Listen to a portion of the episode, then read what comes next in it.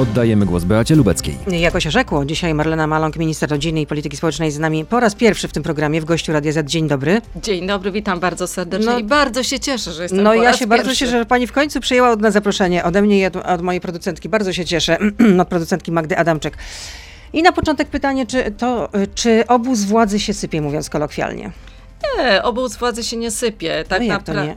No nie, no nie A to, przegrane, a, a to przegrane głosowanie w sprawie tak zwanego Lex Kaczyński albo Lex nie, Confident? nie, nie, nie, to nie jest przegrane głosowanie. Jak to nie? E, Jeżeli e, opozycja miała możliwość zagłosowania za tą ustawą, no wyraziła w Ale jak miała zagłosować za tą ustawą, jak ona była zła? Poza tym, przepraszam bardzo, ale ilu tam posłów Prawa i Sprawiedliwości również zagłosowało tak jak opo- E, opozycja? No, dobrze ponad 100 z tego, co pamiętam. Chyba na pewno tak. Nie było dyscypliny w klubie, a więc nie ma A tutaj... mo- 24 jednak zagłosowało tak jak opozycja, 37 wstrzymało się od głosu, a 16 nie zagłosowało Zagłosowali zgodnie ze swoim y, jakby przekonaniem, sumieniem. Nie było w klubie dyscypliny w tym temacie, a więc każdy tutaj zagłosował. Ja powiem tak, że dla mnie, jako posła Prawa i Sprawiedliwości i przede wszystkim człowieka jest bardzo ważne, abyśmy się szczepili. To jest tak naprawdę podstawa. Ale akurat ta ustawa y, nie robiła nic, żeby zachęcać ludzi do szczepień.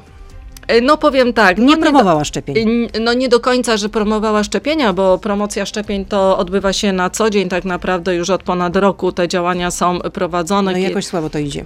Y, No to jest mentalność pewnie nas Polaków, tak? Czy chcemy się szczepić? Ja y, bym pokazała na podstawie domów pomocy społecznej, kiedy mieszkańcy tej pierwszej turze mieli możliwość szczepienia się i personel, y, mieszkańcy ponad 90% już od początku podjęli decyzję o tym, że się- szczepią. Dzisiaj mamy wyszczepionych trzecią dawką ponad 40%, czyli w sumie dwoma dawkami ponad 90%.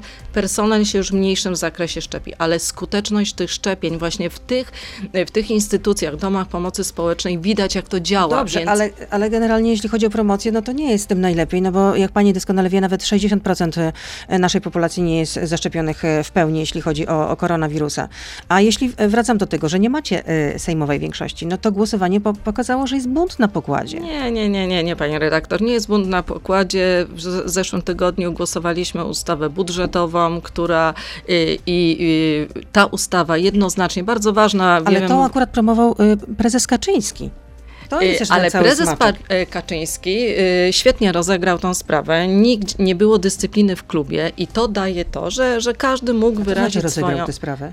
No, przedstawił konkretną ustawę, którą opozycja również mogła poprzeć. Przecież było spotkanie u pana Ale to znaczy rozegrał. premiera. Chodziło o to, że, żeby po prostu zrzucić odpowiedzialność na, opozy- Nie, na opozycję absolutnie teraz. nie, absolutnie nie. Mieliśmy podjąć wszyscy parlamentarzyści. Y, Sprawa szczepień, sprawa walki z koronawirusem jest ponad podziałami politycznymi. Spotkanie u pana premiera Mateusza Morawieckiego Które było było w tym temacie. No, y, różnie możemy do tego podchodzić, natomiast na pewno nie było teatrem, tylko było y, spotkaniem, abyśmy porozmawiali o tych ważnych sprawach i wypracowali rozwiązania, a no, opozycja tradycyjnie no, wszystko krytykuje. Tak naprawdę No, dobre, złe, ta zawsze ustawa, złe. pani minister, no jednak zmuszałaby ludzi, właściwie nie tyle zmuszała, ile no, uprawniałaby do tego, żeby jeden donosił na drugiego. No taka jest prawda. W związku z tym dlatego opozycja zagłosowała tak, jak zagłosowała. Ale powtarzam, nie tylko opozycja, ale również niektórzy posłowie Prawa i Sprawiedliwości, no jak pani wie. A Skoro nie- minister konstytucyjny pod tytułem Zbigniew Ziobro w ogóle nie zagłosował. No to to już jest w ogóle jakieś kuriozum. No nie wiem, to już trzeba rozmawiać z panem ministrem. A czy będzie, y, będą zmiany w rządzie? Y, Z, z, y, przede wszystkim tak, praca w rządzie jest taką y, zespołową pracą, wykonuje się pewne zadania, które się na dany okres ma powierzone i w każdym momencie w rządzie zawsze może być zmiana. A czy takie zmiany będą? No zobaczymy, cza, No czas będą, no pokaże. prezes zapowiedział generalnie. To poczekajmy na te zmiany, które pan prezes zapowiedział. To oczywiście y, y, cały obóz, y, czyli, czyli z, zarówno pan prezes Jarosław Kaczyński, pan premier Mateusz Morawiecki będą te decyzje podejmować. Myślę, że dzisiaj najważniejsze. spokojna o swoje stanowisko? Ja powiem tak, ja podchodzę przede wszystkim, dla mnie wyzwaniem było to y, powierzenie mi tego stanowiska jako ministra rodziny i polityki społecznej Y, i ja wykonuję swoje zadania jak najlepiej potrafię i będę tak je długo wykonywać, jak będę miała tą misję powierzoną. Przede wszystkim to jest wielka odpowiedzialność i ja nigdy nie zastanawiam się, kiedy ta misja się skończy, tylko przede wszystkim skupiam się na wy, wyznaczonych celach, zadaniach. Ale nie spodziewa się pani po prostu e, czarnej polewki, jak rozumiem. Ale nawet na tym się powiem, nie zastanawiam. Dla mnie najważniejsze jest to, żebyśmy działali pracowali dla Polski, dla Polaków i, i to jest mój cel i, i tym się zajmuję. Mm, Jak ustalił nasz e, nieoficjalnie mm, dziennikarz śledczy e, Mariusz Gierszewski, obecny wiceminister finansów Artur Soboń i wicepremier Henryk Kowalczyk e, to kandydaci e, na nowego ministra finansów. Są wymieniani w tym kontekście. Myślę, że na tej giełdzie nazwisk będzie się pojawiało bardzo dużo nazwisk, czy, be, czy będą zmiany, będą w stosownym czasie pewnie podjęte decyzje. Nie będę się odnosić, kto będzie ministrem finansów. Dzisiaj najważniejsze jest to, Ale abyśmy- będzie zmiana na stanowisku ministra Ja nie finansów. wiem, ja tego no, ma nie być wiem. za niedoróbki, to mówiąc naj, najłagodniej, najoględniej e, w Polskim Ładzie. Y, Przede wszystkim tak, y, jakbyśmy chcieli rozmawiać o Polskim Ładzie, to Polski Ład to jest pakiet wielu zmian. Jedną z tych potężnych zmian pani, jest zmiana jest polityki podatkowej. i to nawet przyznawał pan premier Morawiecki. Ale zgadza się, zgadza się, no to co, e, co e, to jest reforma, poda, ta, ta część Polskiego Ładu, bo to musimy oddzielić. Ale no, to chyba część i tak polskiego, trochę czasu, żeby przygotować się do tego solidnie, prawda? e, powiem A nie, tak, na, a nie na wariackich papierach. Y, To jest inaczej. Y, Reforma podatkowa, która jest częścią Polskiego Ładu, to jest największa reforma, można powiedzieć, od 30 O, lat. słyszeliśmy pani minister Tak, i to trzeba premiera. powtarzać, pani redaktor, to trzeba powtarzać i dlatego też pewne y, potknięcia zdarzyły się, to trzeba wyprostować jak najszybciej, aby przede wszystkim społeczeństwo widziało i dzisiaj już widzą Polacy, bo przecież emeryci, którzy mieli naliczone, pobrane świadczenia, po, podatek dochodowy wyższy w miesiącu styczniu, już dzisiaj dostają wyrównania i w miesiącu lutym i ich y, świadczenia są No, wypłacane no właśnie, poprawnie. chociażby tutaj była, mówiąc taka, już tak bardzo, bardzo nieładnie wtopa. A czy odejdzie pan minister Niedzielski z rządu? Pani redaktor, to są pytania przede wszystkim do szefów, czyli do pana premiera Mateusza Morawieckiego, do pana prezesa Jarosława Kaczyńskiego. Przede wszystkim dzisiaj y, pan y, minister Adam Niedzielski wykonuje zadania, y, jak najlepiej potrafi dla Polski, Ale żeby wydaje się, chronić że, że zdrowie nic i nie życie. może generalnie, że rządzi jednak, rządzi jednak zaplecze parlamentarne. No, pan minister, nikt z Ministerstwa Zdrowia nie pojawił się na ostatniej Komisji Zdrowia, kiedy rozmawiano o tej ustawie, tak rzekomo ważnej. Ale z tego, co ja pamiętam, W poniedziałek ta, w nie było. poniedziałek y, chyba była sytuacja związana z tym, że pan minister Waldemar Kraska zachorował. Ale i jeszcze pan to, minister Niedzielski. I, I to były pewne przyczyny obiektywne, że nie było, nie było przedstawicieli Ministerstwa Zdrowia na, na, tej, na tej komisji, ale sprawność zarządzania Ministerstwa Zdrowia, tak naprawdę na każdym froncie są podejmowane konkretne działania, zabezpieczenie przede wszystkim y, w ochronie zdrowia, aby przy tej piątej fali, kiedy rosną zachorowania, y, I dlatego poprze- mieliśmy taką dużą liczbę zgonów. Y, No, no, no, no, no. Tutaj z tą liczbą zgonów jednak powinniśmy, powinniśmy, y, powinniśmy ostrożnie podchodzić do interpretacji, bo y, kiedy porównamy tą liczbę zgonów, y, przecież to są też choroby współistniejące, y, y, to, to pokazuje, że przede wszystkim te działania y, są podejmowane tak, aby niwelować te skutki y, negatywne COVID-u. Natomiast ja powtarzam, szczepienia dają nam to, że rzeczywiście, y, y, jeżeli przejdziemy nawet zachorowanie, to będzie to łagodniejsze. Ja jak mantrę przywołuję te domy pomocy społecznej, bo one nam pokazują na konkretnych przykładach, jak to wygląda. Mamy 80 tysięcy mieszkańców w domach pomocy społecznej.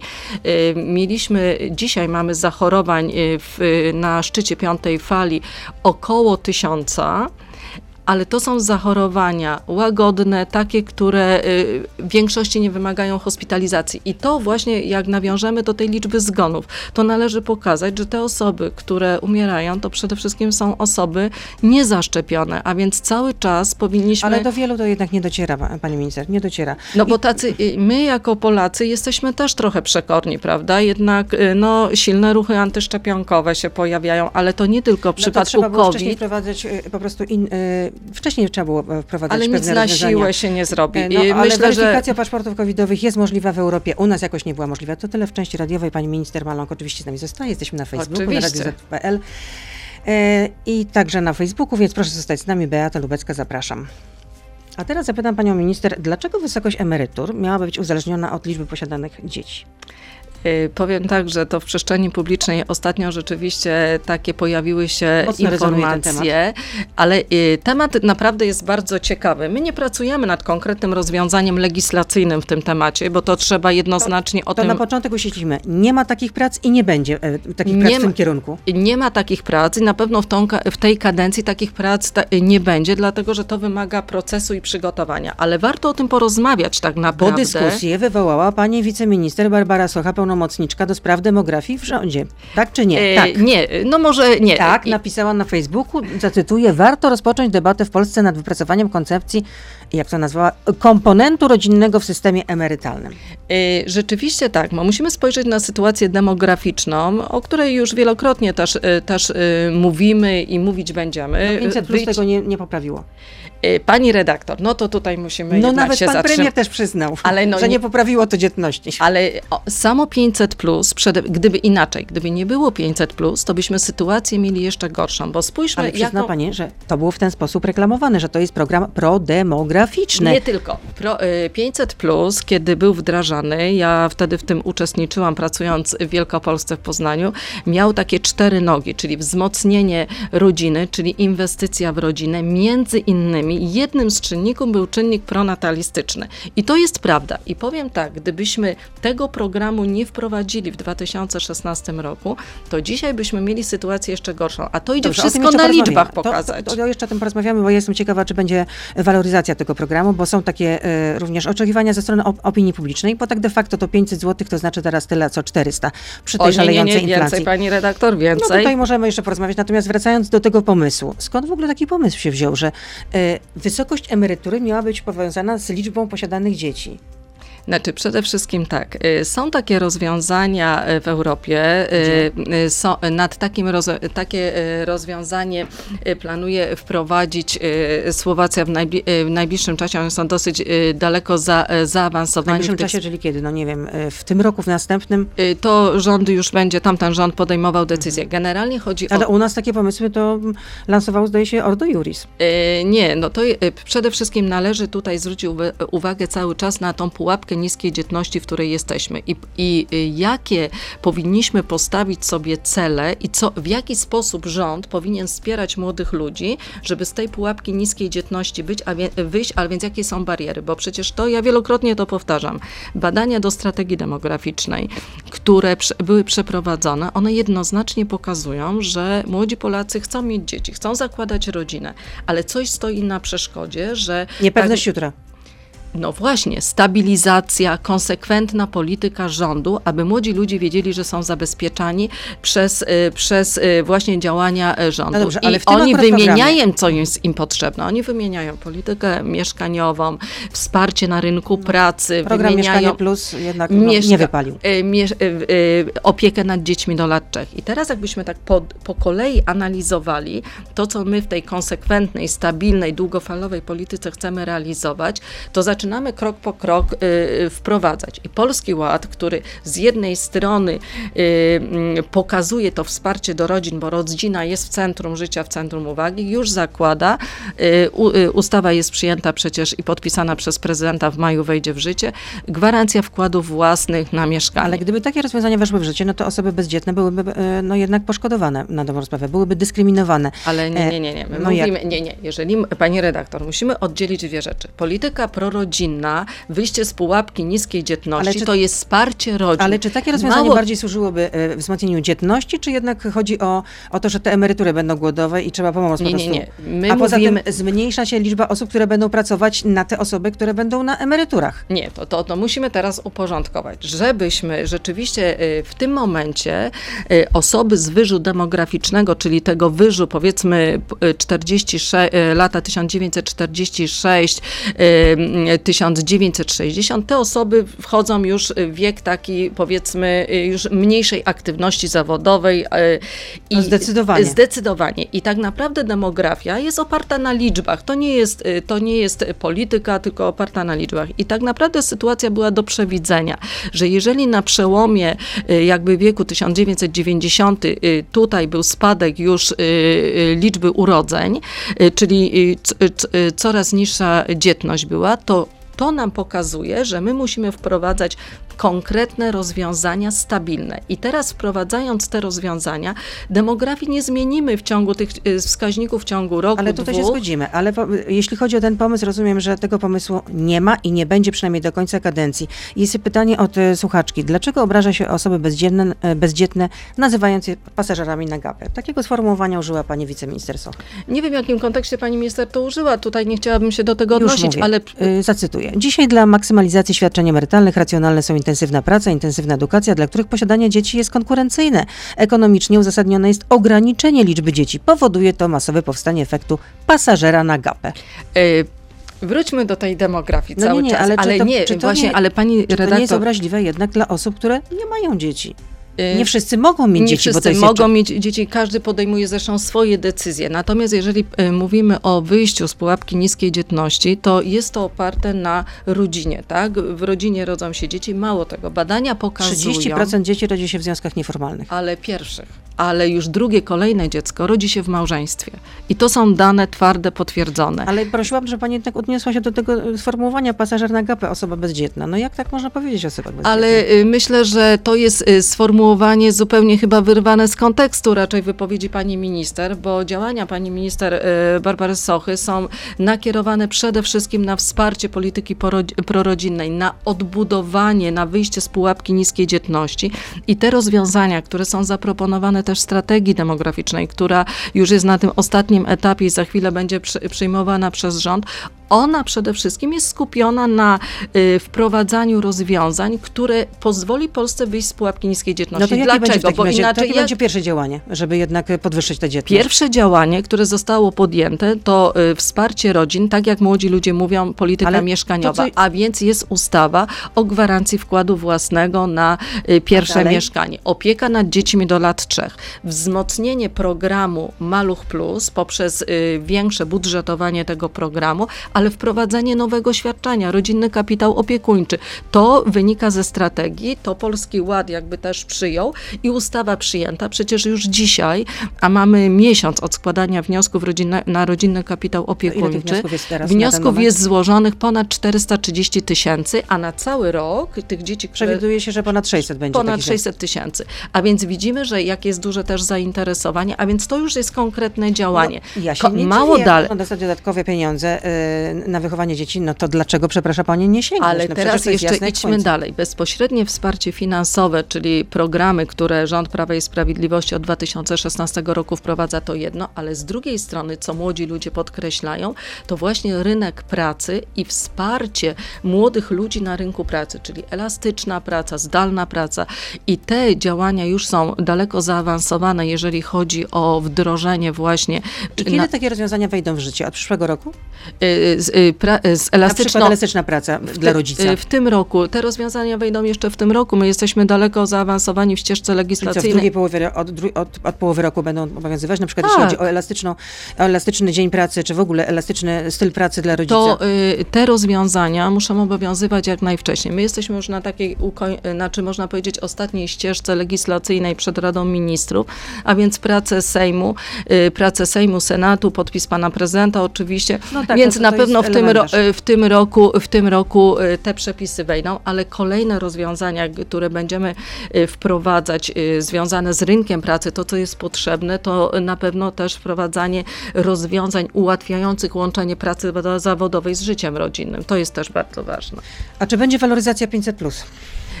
Ja odpowiadam na to pytanie cały czas w ten sposób, że Jak rząd, mantra? tak, tak, rząd Prawa i Sprawiedliwości wprowadził sztandarowe świadczenie Rodzina 500+. Wiemy, że 177 miliardów złotych No tak, trafiło to do rodzin. wiemy. Dobry start, rozwinięcie. 125 miliardów, jeśli mnie pamięć nie myli. Tak? Czy nie? Y, Program Rodzina 500 plus 177 miliardów złotych już trafiło do, do rodzin. Miesiąc w miesiąc dostaje 6,5 miliona dzieci. Dzięki temu programowi sytuacja jest inwestycja w Dobrze, rodzinę. to już wszystko wiemy, ale teraz I- podstawowe pytanie, czy będzie waloryzacja? Bo według wyliczeń prasy w listopadzie świadczenie 500 plus realnie było warte już 420 zł, a w pierwszej połowie tego roku war, realna wartość tego 500 plus to będzie 400 zł. A Nie, więc y, te mniej o jedną piątą. Przede wszystkim tak, wprowadzamy kolejne rozwiązania, o tych, których przed chwilą rozmawialiśmy, takich jak rodzinny kapitał opiekuńczy. Będziemy wprowadzać rozwiązania, które przyczyniają, będą się przyczyniać do tego, żeby młodzi ludzie mogli podejmować decyzje o założeniu rodziny, o tym, że rodzą No się dzieci, a więc rynek pracy, Czyli więc idziemy w tym będzie, kierunku. Czyli nie będzie waloryzacji Idziemy świadczenia w kierunku 500+. wprowadzania, rozszerzania komponentów wsparcia rodziny tak, aby skutecznie realizować Ale e, wyjście z pani minister Rafalska, która wprowadzała ten program, e, sukcesem zresztą, e, jest e, tego zdania, że należałoby jednak podwyższyć to świadczenie. Ale my przede wszystkim musimy spojrzeć na wprowadzanie świadczeń, nie tylko na ich waloryzację, ale także na wprowadzanie świadczeń, które nie tylko jednym świadczeniem, ale różnymi komponentami musimy wspierać rodziny, inwestować w rodzinę, tworzyć ten dobry wizerunek rodziny. A więc waloryzacji 500 plus nie będzie. w tym tak? roku nie będzie. W tym, a w przyszłym? W tym roku waloryzacji nie będzie, będziemy wprowadzać kolejne komponenty Tak, to wsparcia już że słowo komponent, Tak, tutaj będę po dokładnie. prostu, chyba będzie mi się teraz już śniło. A jest pytanie od słuchacza. Dieta podczas wyjazdu krajowego od 2013 roku wynosi 30 zł za dzień, czyli tyle płaci pracodawca pracownikowi podczas y, wyjazdu krajowego poza firmę. Jest to określone w rozporządzeniu. 30 zł musi wystarczyć na śniadanie, obiad, kolację. A gdzie inflacja plus drożyzna? Czy będzie w końcu zmiana e, rozporządzenia? Czy będzie podwyższona wysokość tej diety? Tak, rozumiem. My pracujemy nad, y, nad rozwiązaniami, czy ewentualnie będziemy zmieniać y, y, to rozporządzenie. Wiele mieliśmy pytań w tym temacie, y, a więc y, tutaj y, podejmiemy decyzję w najbliższym czasie, czy, czy zmiana tego rozporządzenia będzie. Natomiast jeżeli A mów- jest brane pod uwagę, że o ile ta dieta mogłaby wzrosnąć? Do 50 zł? Y, To znaczy się tak, nie będziemy tutaj wróżyć sposób, bo raczej będziemy jedynie średnią inflację od momentu, od momentu, kiedy ostatnie rozporządzenie było w, tej, w tym temacie zmieniane, a więc No, tutaj... 2013 rok. Y, Tak, y, tylko sobie jeżeli wyliczymy średnią, to, to zobaczymy, jak, czy, czy rzeczywiście będziemy zmieniać w tym roku to rozporządzenie. To jest wiele pytań w tym temacie. Aha, czyli w tym roku raczej dieta nie pójdzie w górę. Ta dieta pracownicza. Nie, tak, dieta pracownicza, jeżeli zmienimy rozporządzenie, to pójdzie, natomiast przecież Ale nie y, w tym roku. Y, zmieniamy to rozporządzeniem, więc może to być też w tym roku. A o ile tego też pani nie może powiedzieć, rozumiem. Jeszcze taka decyzja po prostu nie zapadła. Nie, przede wszystkim musimy mieć konkretne dane, żeby publicznie powiedzieć Polakom, że wzrośnie o tyle, o tyle, to muszą być już wyliczenia i podjęte decyzje. Skoro te, to nie jest jeszcze na tym etapie ostatecznym, czyli tej ostatecznej decyzji, którą analizujemy y, w Ministerstwie Rodziny, no to nie będziemy jeszcze w tym momencie o tym, o tym konkretnie mówić. Wojciech pyta, proszę powiedzieć, od czego seniorzy odliczą sobie ulgę rehabilitacyjną, skoro nie zapłacą e, PIT-u? Czy w ramach kampanii reklamowej Polskiego Ładu wyliczenia wyższych emerytur uwzględniały praktycznie likwidację tej ulgi? Mm, No powiem tak, jeżeli chodzi o ulgę rehabilitacyjną, y, ta ulga y, to nie dotyczy tylko emerytów, bo przecież tak naprawdę dotyczy wszystkich osób, które do, z tej ulgi mogły skorzystać. Y, Ulga rehabilitacyjna w tym momencie trwają prace w Ministerstwie Finansów, czy ewentualnie przywrócić jakiś sposób odliczania. Nie odniosę się tu ostatecznie do, do tego, gdyż musimy przede wszystkim zwrócić uwagę na to, że w portfelach emerytów, bo jeżeli zostaje więcej pieniędzy w związku z wprowadzaniem kwoty wolnej od podatku. I to jest, y, to są dane ściśle wyliczone, że Ale wszystkich emerytów co do jednego? 94% emerytów y, zyskuje lub jest neutralne rozwiązanie polskim ład, y, w Polskim Ładzie, 98%. Ale są tacy, którzy na przykład dorabiali sobie w celu zwiększenia swojej emerytury i oni niestety będą otrzymywać niższe emerytury, tak czy nie? Nie, nie, nie. W tym momencie trwają prace nad, łącze, y, nad łączeniem też zbiegów różnych rozwiązań, a więc ostatecznie, znaczy emeryci, którzy pobierają świadczenia z Funduszu Ubezpieczeń Społecznych, tak, które były wypłacone, absolutnie w tym momencie, tak jak mówię, te dane są y, konkretne. 94% emery- dla rozwiązania Polskiego Ładu, czyli dla ponad 8 milionów Czyli emerytów. sama są- pani przyznaje, że tak są niedoróbki, bo można było już to przewidzieć w trakcie pracy nad Polskim Ładem, czy nie? Nie, no, y, to znaczy się tak, no wszystko można przewidzieć i wszystko można skrytykować, ale trzeba spojrzeć na to, że te rozwiązania tak naprawdę są korzystne dla większości Polaków. Jeżeli my mówimy 94% emerytów, No to to już 98% Powiedziała pani rencistów, Trzeci raz, pani minister. A, tak, Dobrze, ale to podsumowując, utrwalać. jeśli chodzi o tą ulgę rehabilitacyjną, żebyśmy mieli jasność taką y, absolutną. Y, W tym momencie rozwiązania legislacyjne są takie, jak w ustawie podatkowej są y, przewidziane, nie jest to zmieniane. Jeżeli Ministerstwo Finansów, a zespół pracuje nad różnymi zmianami, no to wtedy zmiana ewentualnie może być wprowadzona. O tutaj y, widzę, że już muszę panią wypuścić, bo po, prostu dzisiaj ma pani jakieś ważne spotkanie, rozumiem, tak? Czy jeszcze jedno pytanie mogę zadać? To Tak. musi pani zdecydować. Tak? I oczywiście, no przecież pani skoro tutaj- jestem pierwszy raz, to tak. No więc dlatego pozwolę sobie jeszcze zapytać. Dane publiczne pytają. Średnia pensja w Polsce przekroczyła w grudniu 6 tysięcy złotych. Minister Błaszczak już w Sylwestra zapowiedział 500 złotych podwyżki dla pracowników resortu obrony. A, czy, a jaką podwyżkę dała pani swoim e, pracownikom?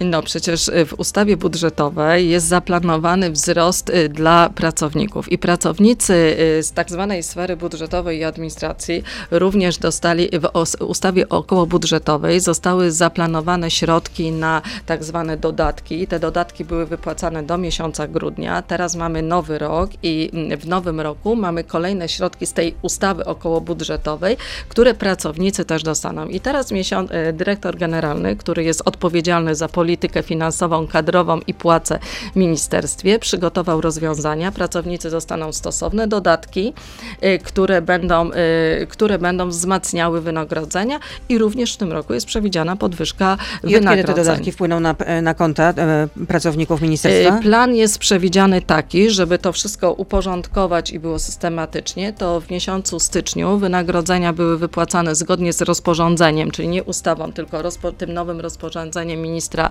finansów. W miesiącu lutym, czyli teraz chyba z tego co pamiętam, to chyba 17 lutego, pracownicy będą mieli wypłaconą 13 e, pensję, czyli to mm, dodatkowe świadczenie, które mają wypłacane. W miesiącu marcu będą wypłacane dodatki właśnie z tej ustawy okołobudżetowej, aby właśnie wzmocnić sytuację pracowników, bo na tym nam bardzo zależy. I y, plan jest taki, ale to pani dyrektor generalna jeszcze będzie ze związkami zawodowymi ustalała, że od miesiąca kwietnia będzie wzrost wynagrodzeń. Taki mamy plan, ale to jest plan, który będzie ustalany jeszcze ze związkami, bo wymaga on I ustalenia. jeszcze jedno pytanie mam. E, Od kiedy będą ozusowane e, umowy zlecenia? Y, Przede wszystkim tak, jest to zmiana oczekiwana przez stronę społeczną. Wielokrotnie na Radzie Dialogu Społecznego Ale de facto dostanie się rozmawialiśmy. mniej na rękę, prawda? Po Y, uzusowaniu. Znaczy, przede wszystkim to jest y, chyba na kolejną rozmowę naszą pani redaktor temat, dlatego że to jest bardzo ważna zmiana, która jest tak oczekiwana przez stronę społeczną, ale także przez stronę pracodawców. Ale przede wszystkim y, No pracodawcy tutaj- właśnie zwracają uwagę na to, że no, pracownik dostanie mniej na rękę. No właśnie, ale pracownik ma odprowadzaną składkę, dzięki czemu, kiedy przejdzie na emeryturę, jak będzie miał 60-65 lat, albo i później, jak będzie chciał być dłużej, to mieć aktywność ekonomiczną, będzie miał wyższą emeryturę. I mówiąc właśnie o, o składkowaniu, o ZUS-owaniu, to to jest y, połączone naczynie i przede wszystkim to jest też pokazanie na konkretach, że ta zmiana docelowo jest konieczna i ona jest Dobrze, oczekiwana. Ale od kiedy w takim razie to wejdzie w życie? Od przyszłego roku, czy dopiero od Znaczy- 2024? Y, Znaczy, y, wiem, że pani redaktor zmierza do krajowego y, y, y, planu, który, który aktualnie jest w konsultacjach. Przede wszystkim tak, Dokładnie zmiana y, będzie wprowadzona wtedy. My y, mamy ustawę złożoną do, y, do prac rządu, czyli do wpisania do prac rządu. Prawdopodobnie będzie, jeżeli chodzi o wpisanie, no to na pewno będzie to druga połowa albo trzeci kwartał tego roku. Będziemy Czyli procedować. 2024, tak? Znaczy, powiem tak, nie, nie chciałabym ko- konkretnie mówić, czy to będzie 23 czy 24, bo to potem wprowadza zamieszanie i zaczynamy się rozliczać. Przede wszystkim, przede wszystkim teraz jest wprowadzanie Polskiego Ładu, konkretnych rozwiązań, które Czyli też może pani Na porządkują. moment, kiedy jest dzisiaj 3 lutego, nie może Pani powiedzieć, kiedy te umowy zlecenia zostaną ozusowane? Jak Czy najszybciej- roku, Czy od, od Jak jeszcze? najszybciej, kiedy przeprowadzimy proces legislacyjny. I to naprawdę ostatnie pytanie. Ilu pracowników jest zatrudnionych w ministerstwie na śmieciówce? Czy Pani wie? Y, My w ministerstwie zatrudniamy y, osoby przede wszystkim na umowach o pracę, na umowach śmieciowych nie zatrudniamy pracowników, a więc to mogą być y, sytuacje, gdzie, gdzie osoba... A firmy jakieś- zewnętrzne są angażowane? Y, My firmy zewnętrzne, mamy do firmy, które sprzątają y, w ministerstwie, a więc na podstawie... Tam są umowy o y, pracę czy przed- śmieciówki? My mamy, za, my mamy zapisane w tym porozumieniu, że w tym, tej umowie, którą sporządza zresztą dyrektor generalny, nie minister, że pracownicy mają być na umowach o pracę. Taki mamy, taki mamy klauzulę. Bardzo dziękuję. Dziękuję już bardzo. Naprawdę za chwilę mi tutaj kręcą głowę. E, Marlena Maląg, minister rodziny i polityki społecznej była z nami. Y, Do następnego razu. Mam nadzieję, że teraz już pani nie, będzie mniej oporna. To był gość Radia Z. Słuchaj codziennie w Radio Z i na player radioz.pl.